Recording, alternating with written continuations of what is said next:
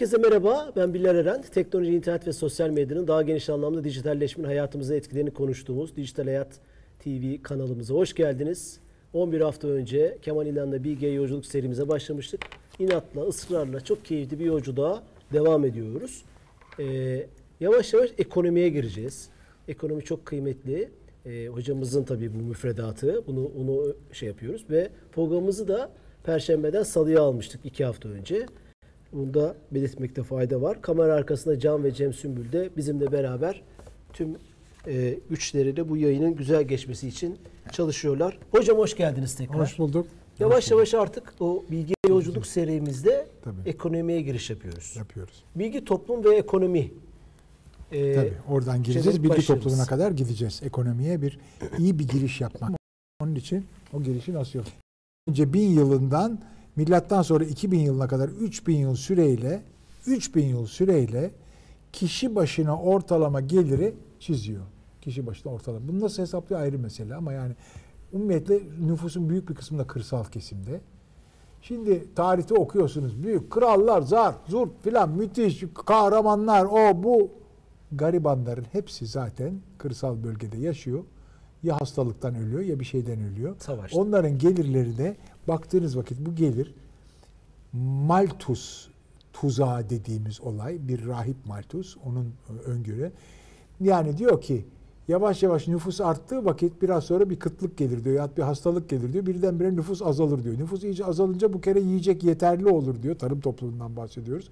Bu kere o zaman nüfus çoğalmaya başlar diyor. Tekrar bir kıtlık olur bir şey var filan böyle ama kişi başına gelir böyle böyle mıy mıy mıy mıy mıy mıy mıy, mıy gidiyor. 3000 yıl süreyle.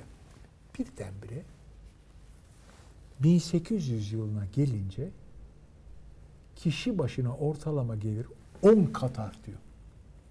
Eşitliği ha. Eşitsiz bir şekilde bir şey falan patlıyor. Mı? Patlıyor bir patlama noktası var.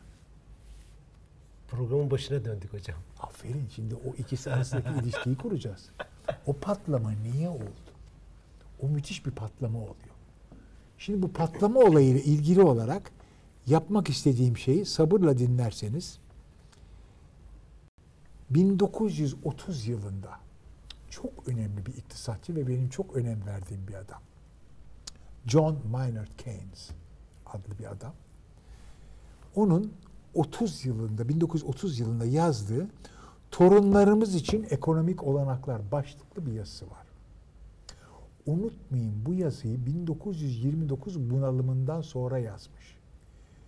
Amerika'da, İngiltere'de işsizlik ve sefalet içinde kapitalizmin ilk büyük yedi yani ilk değil ya yedi büyük darbelerden biri. İşsizlik ve fakirlik arkasından gelen fakirlikten doğan bir olay. Başta işsizlik olmak üzere. Korkunç bir darbe yemiş ve insanlar umutsuz. iki harp arası ama gerilimin gitgide artmaya başladığı ve ekonomik bunalımın herkesin üzerine bir kara bulut gibi çöktüğü bir ortamda bunları yazıyor. Şimdi okuyalım. Diyor ki Milattan önce 2000'den 16. yüzyıla dek büyük bir gelişme yok. Ne demek bu?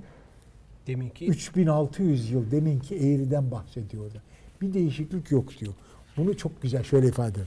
Doğal dil, ateş, bugün aşina olduğumuz tüm evcil hayvanlar, buğday, arpa, üzüm ve zeytin, karasaban, tekerlek, kürek, yelken, deri, keten ve kumaş, tuğla ve çanak, çömlek, altın ve gümüş, bakır ve teneke, kurşun ve demir milattan önce bin yılından önce listeye eklenmişti. Tamam. Bunların hepsi var. Yani insanların Bankacılık, devlet yönetimi, matematik, astronomi ve din bunları izledi. Arkasından bunlar da geliyor. Yavaş yavaş üst yapı kurumları oluşmaya başlıyor.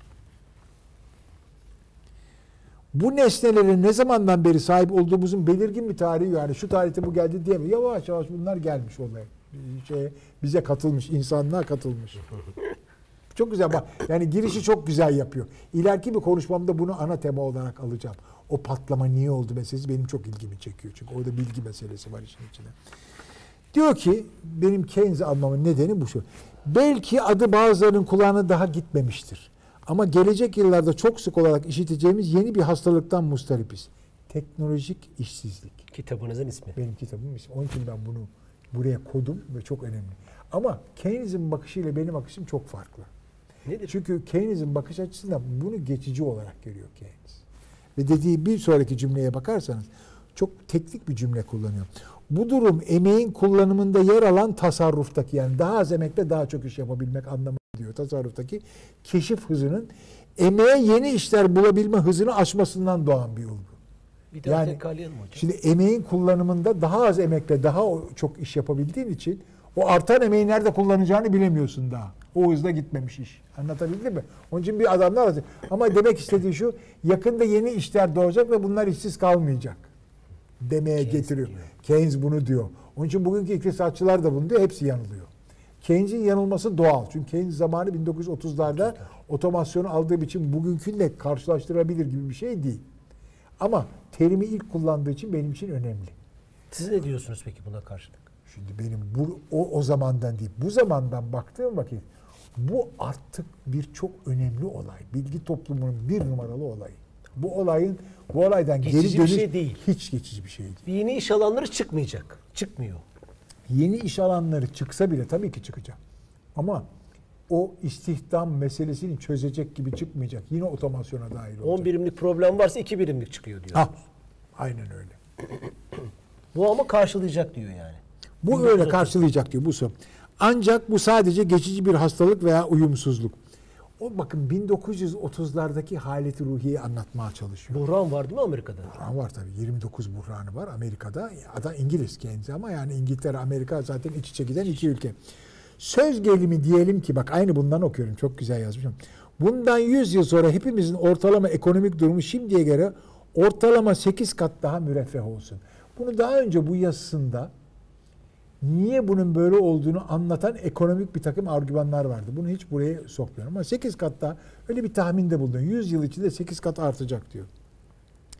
Emin olun ki bunda hayret, hayret edilecek bir şey yok. Evet şu bir gerçek ki insan ihtiyaçları sınırsız olabilir. Ancak bu ihtiyaçlar iki sınıfa ayrılır. Mutlak yani eksikliğinde etrafımızdaki insanların durumu ne olursa olsun yokluğunu fark ettiğimiz elzem ihtiyaçlar.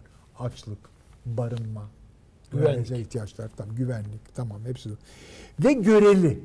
Yani çevremizdeki insanlara göre kendimizi daha üstün ve ayrıcalıklı hissettirecek ihtiyaçlar. İhtiyaç olmayan ama ihtiyaç Ha, yaptırılan ihtiyaç şeyler. yaptı ve yani tamamen bu greed yani açgözlülükten doğan ihtiyaçlar. Bu üstünlük his- hissi veren göreli ihtiyaçlarımızın hakikaten sınırsız veya doyumsuz olduğu bir gerçek.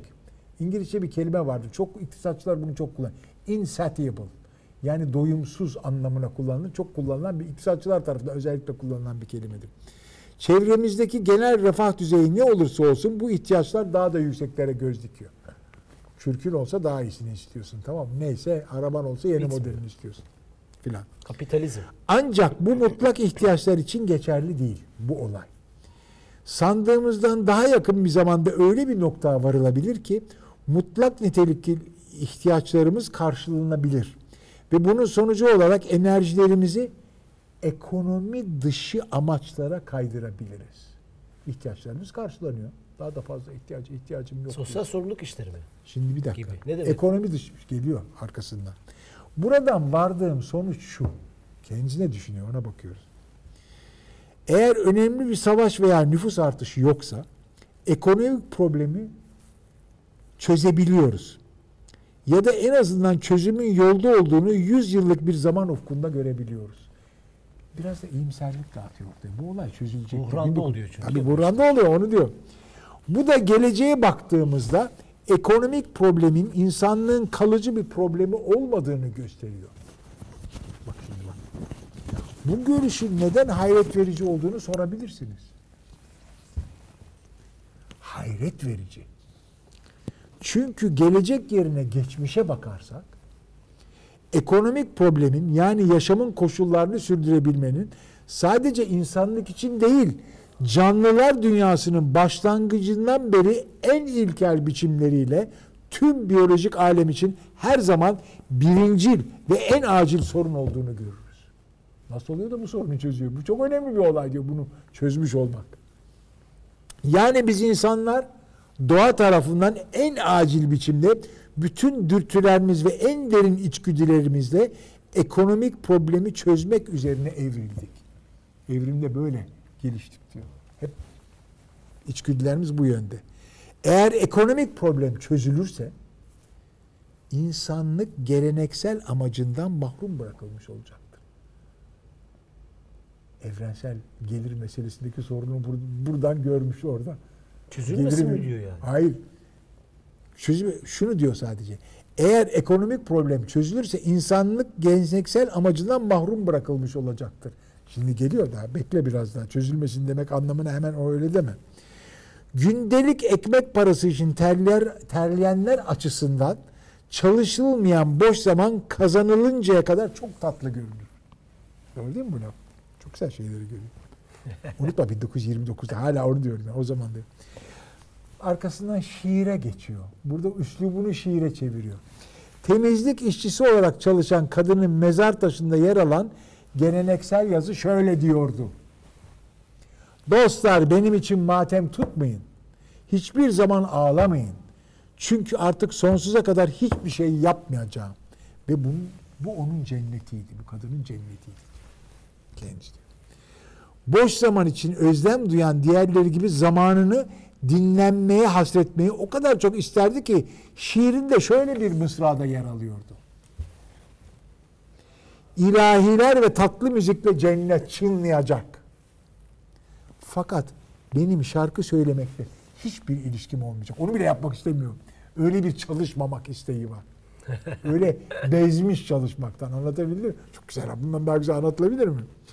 Ancak bu koşullarda yaşamın tahammül edilebilir, edilebilir olması ancak şarkı söyleyebilenler için geçerli olacak. Ve ne kadar azımız şarkı söyleyebiliyor? Enfes. Tanımı müthiş değil mi? İroni. Enfes. Enfes. Dickins'in büyüklüğü.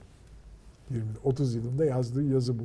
Yazının tümünü okursan... Torunlarımıza ekonomik öneriler mi? Neydi başlığın makalesi? Ee, torunlarımız için ekonomik olanaklar. Olanaklar. Şey yaptı. 100 yıl sonrayı öngörerek. Çok güzeldi, çok güzel. Yani benim çok hoşuma gitti. Bunu hemen kitabıma koymuştum. Şimdi buradan buradan mülhem olarak biraz daha ilkel düşünerek ekonomi sorununa değinmeye çalışalım. Çok temel bir yerden. Çünkü Keynes bizi o tarafa getirir. O niye taraf, sorundan başladık? O tarafı itti. Ha? Biz ekonomiye girişe niye sorundan başladık? Çünkü sorun sonunda soruna toslayacağız. Bir an önce sorun olup olmadığını anlayalım. İşin içinde neyin sorun olup ne sorun ne sorun değil. Değer muhasebesi bu benim uydurduğum yani benim yaptığım bir şey. Derste de bunu kullandım arada. Her yaşayan varlık yaşamı boyunca değer üretmek ve tüketmek zorundadır. Hayvanları düşünerek buradan başladım. Hayvanlar Değer muhasebesi. Değer muhasebesi evet. Muhasebe değer.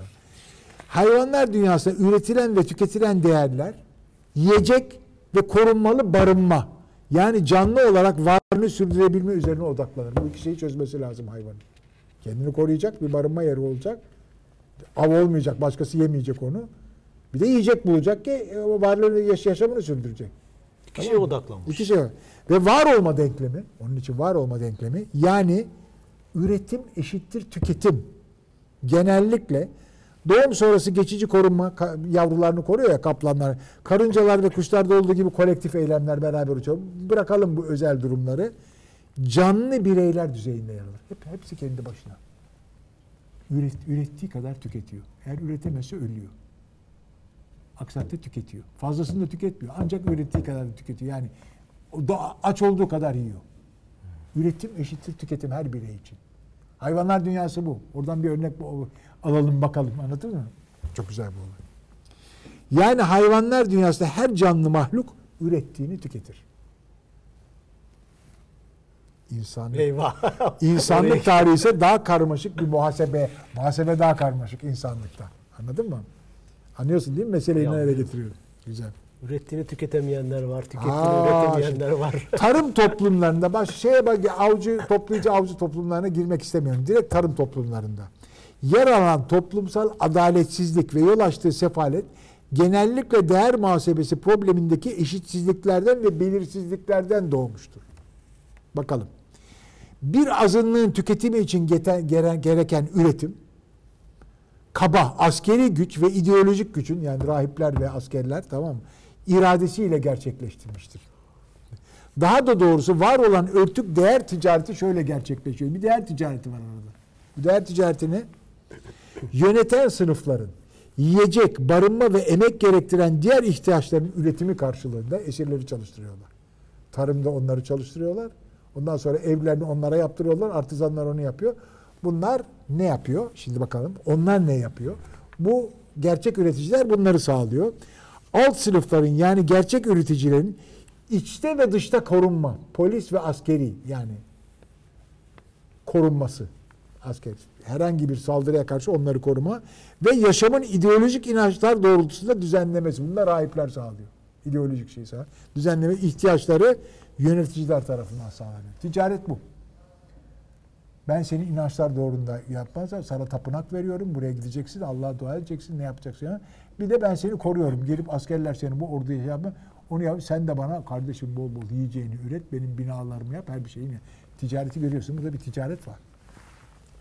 Muhasebe böyle Sizin- gidiyor buradaki ticaret. Şeyinizde al gülüm ver gülüm. Alırım ver gülüm gidiyor. Burada. İfadenizle. burada. Hocam bu din adamlarına falan bazen yükleniyorsunuz ama mesela hep referans aldığınız şeyler din adamı. Şu baştaki eğrideki adam da Robert Malthus rahipmiş. Malthus rahip tabii. diyor. Çok önemli. Sonunda gel. Din adamlarıyla ilgili böyle çok hani olumlu şeyler, görüşlerim var. Sonunda da o herif de çok olumlu şeyler söylüyor. Ayrıca daha sonra John Rawls'a geleceğim. Rawls da din, eski rahip o da. Yani din adamlarının çok keskin etik görüşleri vardır. Ahlaki görüşleri. Çünkü din, dinin özünde ahlak yatar. Yani inançların bir tarafına bakarsan bir ahlak yatar. O bir bir bir insan e, şeyi duyarlılığı oluşturan bir şey. Din çok önemli bir şey. Onun için önemsiz bir şey olarak görmüyorum din. Yok, Ama yok, bir yandan da kullanılıyor burada. İkinci, üçüncü programda Aristoteles, Newton kozmolojisine girerken de değiştiren mesela Kepler vesaire hep din din din referansı çok insan vardı. Var tabii. Tabii Şimdi sanayi toplumlarında üretkenliğin artması ve insan ihtiyaçlarının çeşitlenmesi sonucunda değer muhasebesi çok farklı biçimler almıştır. Şimdi bu muhasebe değişiyor. Tamam mı? Muhasebe değişiyor. Muhasebe değişiyor. Tarım toplumundaki muhasebeyi Sanayi anlattım. toplumundaki Sanayi toplum. 16. yüzyıl sonrası bilgi patlamasının doğurduğu yeni olanaklar toplum içinde yeni bir emekçi sınıfının eğitilmesi ve üretimin örgütlü bir biçimde gerçekleştirilmesine olanaklı kılmıştır. Yani Buna ileride ilkokulun keşfi vesaire gireceğiz oralar eğiti, disiplinli bir şekilde eğitecek ki onlar üretsin ve savunmada asker olarak dövüşsün tamam mı? Bu özellik ile ilk kez bireyler ürettiklerini satarak elde ettikleri kazançlarla tüketim ihtiyaçlarını karşılamak yerine eskiden bu artizanlar ne üretiyorsa kendini satıyor, yaptığı işi satıyor. Yerine örgütlü bir düzen içinde ücretli emeğe dönüştüler. Bu çok yeni. Eskiden ücretli emek diye bir şey yok. Belki askerlik öyle o bile öyle değil. Yağmaladığı şeyi alıyor adam gidiyor. Yani Bölüşüyorsun hazineyi. tabii. Yani askerlerde de- Ganimeti. Tabii bö- bölüşüyorsun orada ganimeti. Yani ücretli emek diye bir şey yok. O tür bir örgütlenme gerektiren bir yapı yok. Sanayi toplumunda o yapı geliyor. Kolektif ücretli emek ile istihdam ve işsizlik gibi kavramlarda ilk kez tarih sahnesinde yer aldı. Daha önce işsizlik diye bir şey yok. Tarih sahnesinde ilk bununla giriyor. Sanayi toplumuyla geliyor. mesela. Sanayi toplumu çünkü ondan önce işsizlik yok ki. Adam garip belki açlıktan ölüyor ama işsiz. Esnaf için işsiz diye bir şey demiyorsun sen. Satamıyor kendisini. Tuğbet ölüyor. Öbüründe o iş sahibi olması lazım. Geçiminin kaynağı o iş, o istihdam. Artık o kurumsal yapı kurulduktan sonra onun devam etmesini bekliyor. İnsanlarda o beklenti oluşmuş. Çok önemli bu. Şimdi burada Yaşam için ürünler alacak, şehirleşme oluyor vesaire. Şimdi burada benim o birikimdeki söyleşimde söylediğim şeyi çok burada tekrar üzerinde duruyorum. Bu çok önemli bir olay. 19. yüzyılda Britanya İmparatorluğu'nda İngiliz tekstil işçilerin başlattığı Luddite başkaldırısı var. Çok meşhur bir başkaldırı bu. Usta nitelikli işçilere yani artizanlara göre, sanatkarlara göre düşük becerilere sahip işçilerin makineleri kullanarak sahtekarca kullanılan laf bu. Sahtekarca ve aldatıcı biçimde daha hızlı iş yapabilmesine bir tepki olarak bak. Nereden bu çıktı bu adamlar? Bizden daha biz daha ustayız bunlarda ama bunlar makinelerle bizden daha hızlı iş yapıyorlar ve bizim işlerimizi elimizden alıyorlar diyor. Makinaları kırmaya başlıyorlar. Çok önemlidir bu Luddite isyanı. 1813 yılında bastırılan başkaldırı isyancılara verilen sert cezalarla son buldu. Bu Luddite başkaldırısı çok meşhurdur. Luddite sözcüğü anlamını bir yerden buluyor. Ned Ludd diye Robin Hood gibi bir kahraman. Bu bir kesim iktisatçı Luddite isyanı bir aldanma örneği olarak fallacy sizin aldanma örneği olarak görüyor. Çünkü diyor ki bu yoruma göre Luddite işçileri e, hata işçilerin hatasına düşmeye gerek yok. Çünkü yeni teknolojilerin gelmesiyle ortaya çıkan işsizlik geçici. Kaybolan işlerin yerine yenileri geliyor. Bir süre sonra yeni koşullar altında kriz son buluyor. Hakikaten birçoğu işçi oluyor bunların belki ya şu veya bu şekilde e, iş buluyorlar tamam mı? Ama yeni bir ortam var artık. Örgütlü iş gücü var. Onun içinde çalışıyorlar. Yeni Ha, bir model var yani. Yeni bir model var. Ancak bu yorum hem geçmiş hem de bugün için hatalı. Bu yorum yanlış diyorum ben. Benim iddiam. Çünkü bu hata bizler için çok önemli ve tarihsel bir dönüşü anlamamıza yardımcı oluyor. Burada çok hata işliyoruz. Çünkü mesele burada iktisatçıların gördüğü gibi yeni iş alanları oluşacak filan değil. Mesele toplumsal kontrat bozuluyor. Toplumsal örgütlenme biçimi değiştiği anda tarım toplumundan sanayi toplumuna geçişte eski toplumsal kontrat yok. Yeni bir toplumsal kontrat var. İsyanları buna geliyor. Nereden bu adamlar çıktı diyorlar. Ayrı bir toplumsal sisteme geçmiş durumdasın. Adamların isyanında bir açıdan haklılar. Böyle bir şey yok çünkü şimdiye kadar gördüklerini. Kendilerine yapılmış bir haksızlık gibi görüyorlar bunu. Niye bunu böyle görmek lazım? Tarım toplumunda var olan düzen ve hipotetik toplumsal kontrat sanayi toplumundakinden farklı. Bakalım bir kere bu farka. Onun için isyan ediyorlar. Tarım toplumunda üretimde örgütlenmiş ücretli emek diye bir kavram ve kesim yok. Böyle bir şey görmemişler. Böyle bir şey yok. Anladın mı? Tarım toplumu böyle. Artizanlar yani ustalar, şehirlerde çalışanlar kendi bireysel becerilerine görece dar örgütlenmeler, loncalar içinde geliştirerek satmak durumunda. Köylüler ise özgür veya serf kendilerine koruma sağlayan siyasi askeri güce ve devlete vergilerini verdikten sonra kalan ürünleri tüketerek pazarda satarak geçimlerini sağlıyorlar. Toplumsal kontrat bu. Tamam toplumsal kontrat bu. Bu toplumsal sistemde normal olan durum ustaların emeğini satarak veya köylülerin vergisini verdikten sonra kalan ürünlerini satarak geçimlerini sağlamaları. Bunu biliyorlar. Tarım toplumu bu. Anormal olan yani sıra dışı olan ise bireysel olarak çalışan artizanların karşısına örgütlü ve makinalaşmış dolayısıyla işlerini ellerinden alan bir rekabetin çıkması. Deliriyorlar buna. Bu haksızlık diyorlar. Haklılar. Böyle bir düzen yok çünkü geçmişte. Alıştıkları yani e, e, toplumsal kontrat bozulmuş. Yani imzalanmış bir kontrat yok da hepsinin bir ortak anlayışı var. Bu anlayış bozulmuş. Bu alış, anlayış ve alışkanlıklar bozulmuş. Lüdayt isyanı bunu simgeliyor. Çok iyi anlayalım. Bir kere bu isyanı iyi anlamıyoruz. Bunu iyi anlayalım. İktisatçıların anladığı yanlış. Söylemek istediğim. İktisatçıları Anladığı yanlış. Çünkü bunu bir aldanma ol. Aldanma filan değil. Adamlar isyan ediyorlar geçmişin o şeyine. O, o, o düzenin bozulmasına. Yeri, yeniyle kavga etmek gibi bir şey. Evet. Öten, öte yandan sanayi toplumundan bugüne kadar gelen geçerli olan ilke basit sanayi toplumuna gelelim. Her birey geçimini emeğiyle kazandığı gelirle sağlamak zorunda. Sanayi toplumunun toplumsal kontratı bu. İçinde olunan sanayi toplumu. Aynı tarım toplumunda olduğu gibi hala bireysel emeğini satan ustalar ve ticaretle uğraşan esnaf var ama büyük çoğunluk örgütlü emek. Çoğu kesim ama örgütlü emek. Esnaf değil. Esnaf da var ama. İşsizlik terimi bu kesimde yer alan emekçiler için geçerli. İşsizlik. Esnaf için geçerli işsizlik diye bir şey yok. Toplumsal kontratın dikte ettiği koşullarda normal olan emekçinin aldığı ücretle geçimini sağlaması ve anormal yani istenmeyen, kabullenmeyen, var olan normların dışındaki olumsuz durum anlamında anormal olan bireylerin sürekli bir biçimde işsiz kalması. Bugün baktığımızda ne görüyoruz? Teknolojik işlevsizlik geçmiş Lüdayt örneğine bakarak bugün yer alan durumu da aynı tarım toplumundan sanayi toplumuna geçişte yaşanan tarihsel bir dönüşüm olarak görebilir miyiz? Bak nereden nereye gelmeye çalışıyor. Bu demek o ki zaman dilimini mi yaşıyoruz hocam şu an? o zaman dilimini yaşıyoruz. Sanki öyle gibi. Sanki öyle. Eğer öyleyse sanayi toplumundan nasıl bir topluma geçiyoruz? Bu sorumu sor. Bana bu soruyu sordurdu bu olay. Bu soruyu kimse sormuyor ha. Bunu ben bir tek ben soruyorum. Parametreleri belirlilik kazanmamış ve içinde yaşamakta olduğumuz bir toplum dinamiğinin niteliklerini ve özellikle de yukarıda tarım ve sanayi toplumları için sözünü ettiğim anlamda normalleri ve anormalleri nasıl ifade edebiliriz? Bu yeni toplum düzeni ne? Bilgi toplumu diyoruz ama ne bu düzen? İnsanlar işsiz kalıyor. Buna bir isim vermek lazım. Aynı sanayi toplumuna geçerken olan bunalım gibi bir şeyi yaşıyoruz. Ama tek fark şu ki sanayi toplumunu şimdi biliyoruz. O zaman bilinmiyordu. Bugün de geleceğin toplumunu bilmiyoruz. Bilmiyor muyuz? Bilmiyoruz. Çünkü böyle gidemeyeceği belli. Nereye evrileceğini göremiyoruz.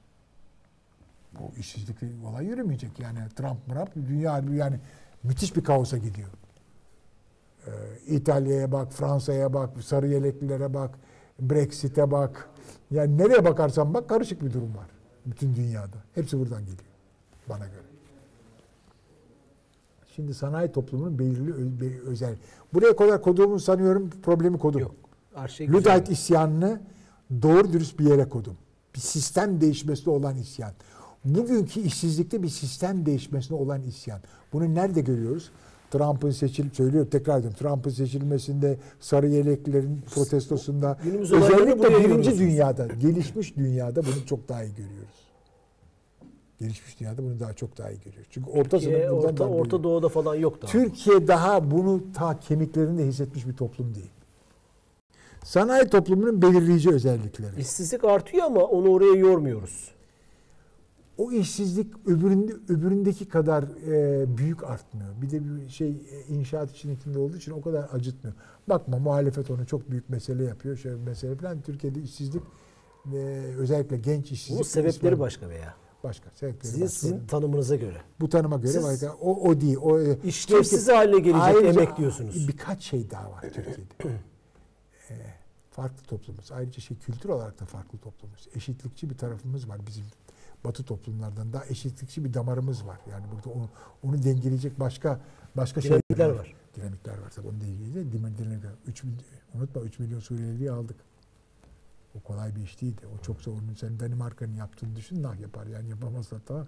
Ve hem kültürel olarak farklı hem de o teknolojinin bu ölçüde işsizlik yaratacağı bir kıvama gelmiş değiliz daha. Anladın mı? Orta sınıflaşma da batıdaki kadar keskin değil. Yani atomik aile vesaire o orası kadar keskin değil. Ama tabii o kendini hissettirecek yakında. Şimdi sanayi toplumuna dönelim tekrar. Sanayi toplumunun belirleyici özellikleri. Nedir sanayi toplumunda? Sanayi toplumu ham madde. Tamam mı? Yani toprak, kömür, madenler vesaire ve disiplinli emek, işçi sınıfı ve sermaye, makineler ve altyapı. Bu üçü birleşiyor. Biraz da bilgi giriyor. Tabii çok önemli. Tarım toplumundan farkı. Aksakta bir şey üretemezsin. Tamam mı? Bilgi giriyor. Ve bir son ürün üretiyorsun. Bir şey bu. Denklem bu. Sanayi toplumunu götüren denklem bu. Üretilen, üretilen ürünün içinde değer, maliyet oranlarına bakarsan ham madde artık emek artı sermayenin payı yani sermayenin payı dediğim vakit eski makineleri yenileme ve kar olarak koyduğumuz pay ee, Bu yolculuğa çıkarken birinci programın birinci dakikasında söylediğiniz şey. Evet söyledim. Evet tabii onu çok üzerinde duran. 20. yüzyılda kitle üretim birim ürünse bilginin payı küçük. Bilginin payı burada hala küçük. Sanayi toplumunda. Sanayi toplumundan bahsediyoruz. Bilgi toplumundan bahsetmiyoruz da. Sanayi toplumunda bilginin payı hala küçük. Tekstil neyle başlıyor bu hikaye?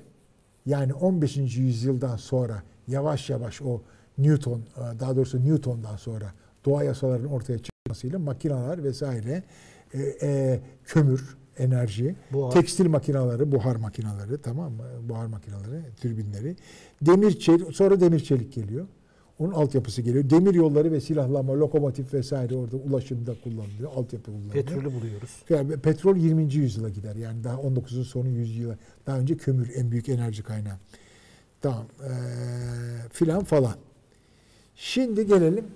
Bu sanayi toplumu çok bir karikatür gibi çizdim bunu. Yani bu sanayi toplumunu 19. yüzyılda bununla gidiyor. Elektrik sonra giriyor işin içine. Çok önemli bir şeydir o. Giriyor. Şimdi, şimdi biraz ileri at, at- şey yapalım, gidelim. Enformasyon ekonomilerine giriyorum.